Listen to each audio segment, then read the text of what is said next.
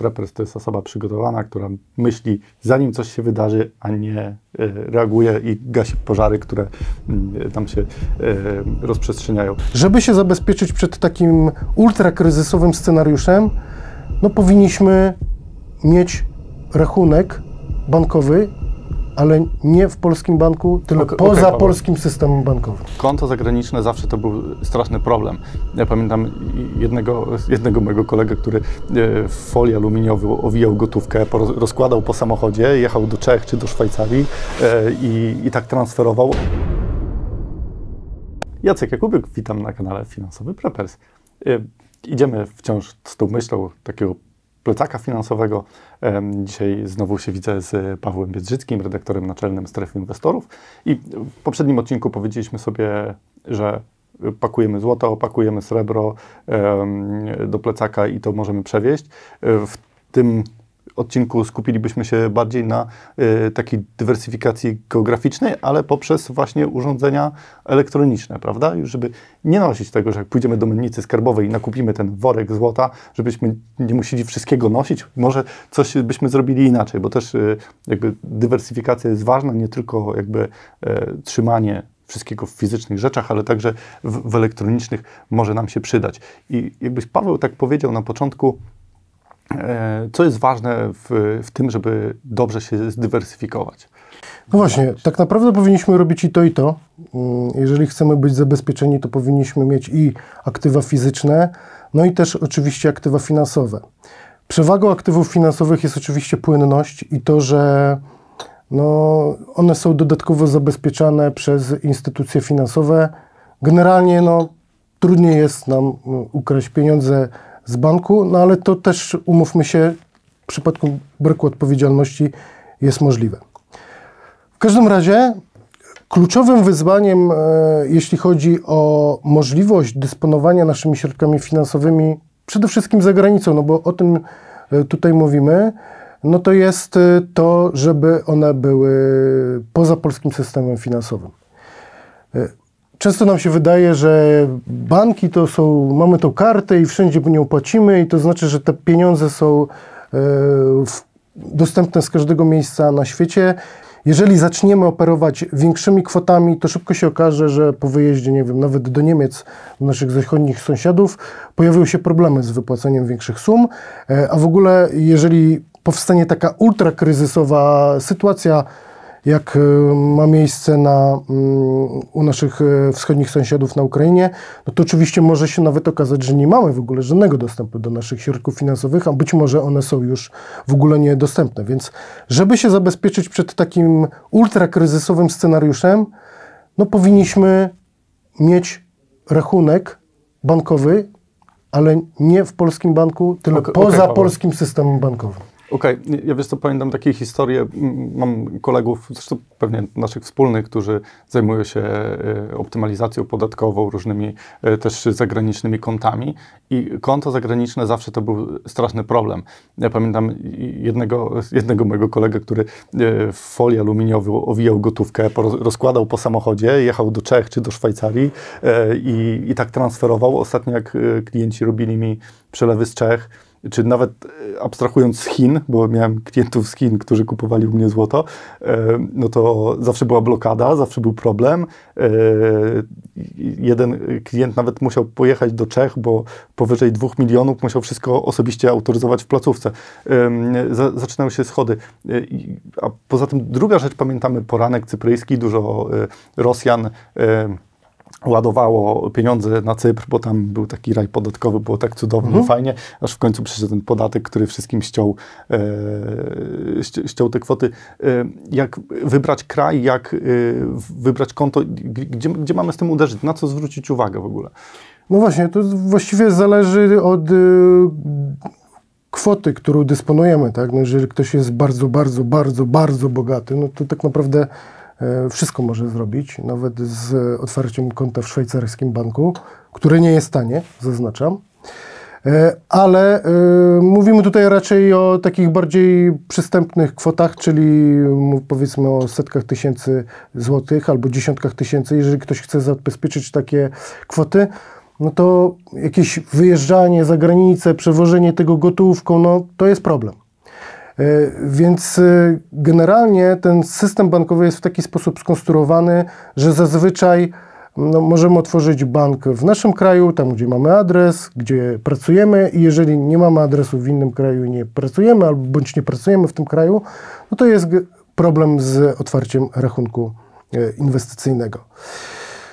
Oczywiście są inne opcje ku temu. E, Tutaj warto zaznaczyć, że tych opcji wbrew pozorom nie ma tak wiele, ale są rozwiązania, które pozwalają tak naprawdę nie ruszając się z domu otworzyć rachunek inwestycyjny e, tak naprawdę w banku inwestycyjnym za granicą, no i dzięki temu e, no, móc dywersyfikować tak naprawdę trochę geograficznie, uniezależnić od polskiego systemu finansowego swoje mm, środki.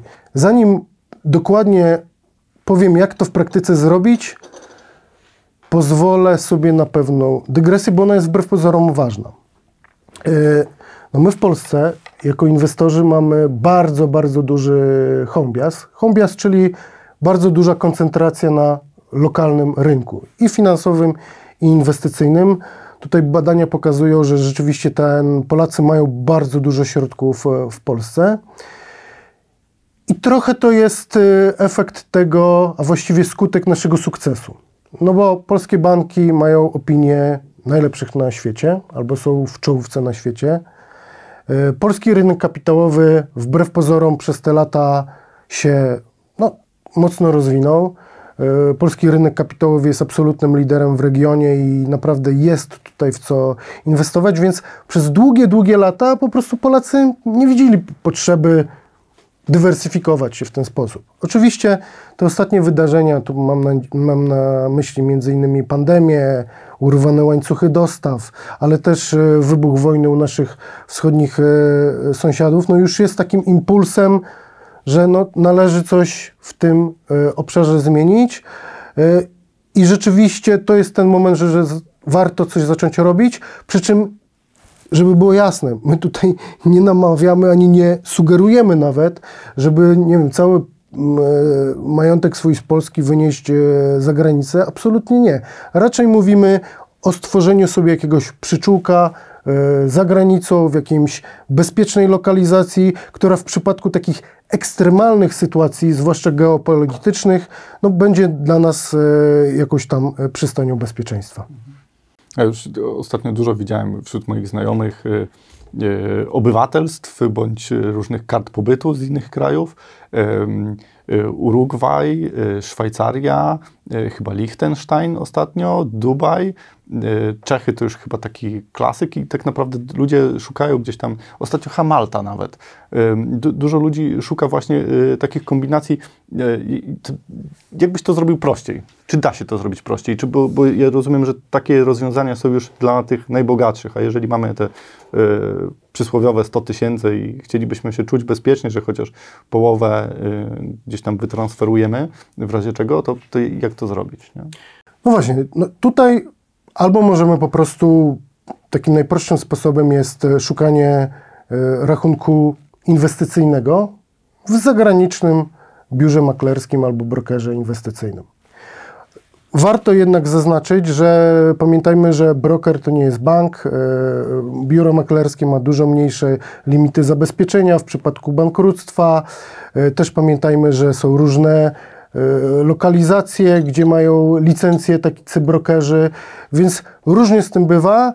E, Ja generalnie uważam, że jeżeli już e, decydujemy się na w jakiś tam sposób przeniesienie części naszych środków poza Polskę, no to warto jakby zdecydować się na jakąś taką instytucję uznaną, z licencją bankową. No i tutaj oczywiście takim przykładem jest Saxo Bank. No, to jest taki bank inwestycyjny, który działa jak e, broker i oferuje dostęp do 60 tysięcy mm, instrumentów e, na świecie. E, No i daje taką możliwość założenia rachunku w nim, mm, zarówno w walucie polskiej, ale można też w innych walutach. Wiele jest do wyboru e, rachunków. One mogą być też oprocentowane w zależności od kwoty, jaką tam e, wpłacimy.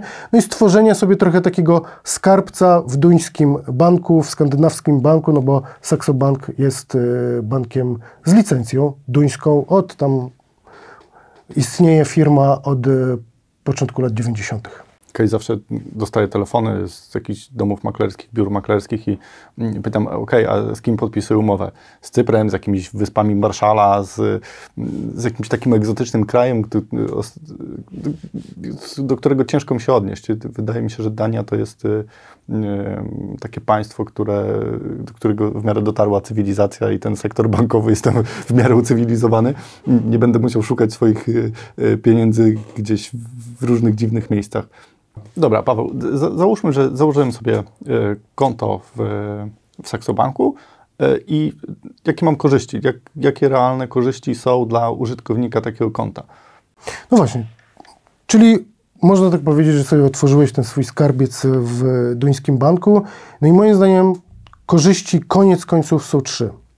Pierwsza korzyść, no to to, o czym cały czas e, mówimy, czyli ta dywersyfikacja, że tak powiem, geograficzna, czyli udało nam się przenieść e, środki finansowe z Polski do innego systemu finansowego. No jednak Zachód, e, bardziej na zachód, Skandynawia, region e, uważany za bezpieczny. Druga korzyść no jest taka, że przy okazji tego ruchu mm, no możemy też wykorzystać dywersyfikację walutową. My też w Polsce mamy sporo złotówek, ale wydaje mi się, że no ktoś, kto ma już trochę więcej pieniędzy, no warto, żeby też część swoich środków e, trzymał w obcej walucie, euro, dolar, e, nie wiem, czeska korona, forint, no to też są takie waluty i akurat w przypadku Seksobanku te rachunki można otwierać i one nawet przy osiągnięciu pewnych kwot są oprocentowane, więc to może na nas pracować.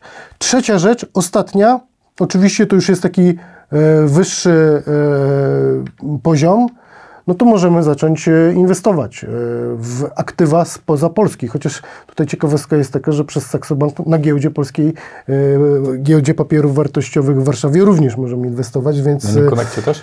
New Connect z tego co wiem nie, ale ten podstawowy rynek, rynek cashowy oprócz kontraktów jak najbardziej jest dostępny. Pamiętajmy o tym, że to też nie jest tak, że ten rachunek ma być dla nas ostatecznym. Nie. Mamy swój polski, cały czas inwestujemy w Polsce, tutaj nikt się stąd nie wybiera, ale mamy jakby taki swój skarbiec, przyczółek zagraniczny, z którego możemy zacząć prowadzić operacje na cały świat. No i tam oczywiście no, te możliwości inwestycyjne są ogromne, począwszy od instrumentów, obligacji, instrumentów kasowych, jak akcje, przez e, instrumenty lewarowane i jakieś inne cuda, e, więc sky is the limit. Dobra. E, podoba mi się ta koncepcja. Mamy już taki ułożony plecak, że najpierw wybraliśmy się do mennicy skarbowej, kupiliśmy złoto, później idziemy do Saxobanku, otwieramy sobie rachunek maklerski, który jest niezależny troszeczkę od naszej polskiej, polskiej sytuacji.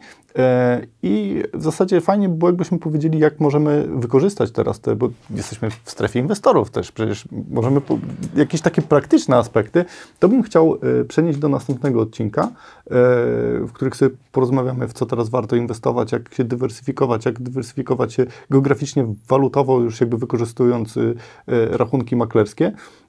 Ja Wam bardzo dziękuję za dziś, a zanim jeszcze zakończymy, chciałbym od Ciebie jakąś złotą myśl usłyszeć dla naszych finansowych prepersów. Kamera jest Twoja. Moją złotą myślą jest e, no, przygotowanie. Zawsze to, co przed chwilą powiedziałeś, jest bardzo słuszne, czyli myślmy krok do przodu, e, kupmy te złoto w czasie, kiedy nie, jest, nie ma żadnego zagrożenia, utwórzmy sobie rachunek kiedy jest sytuacja ustabilizowana i to są narzędzia, które nam pozwalają właśnie w tych okresach kryzysowych się e, skutecznie i szybko zabezpieczyć.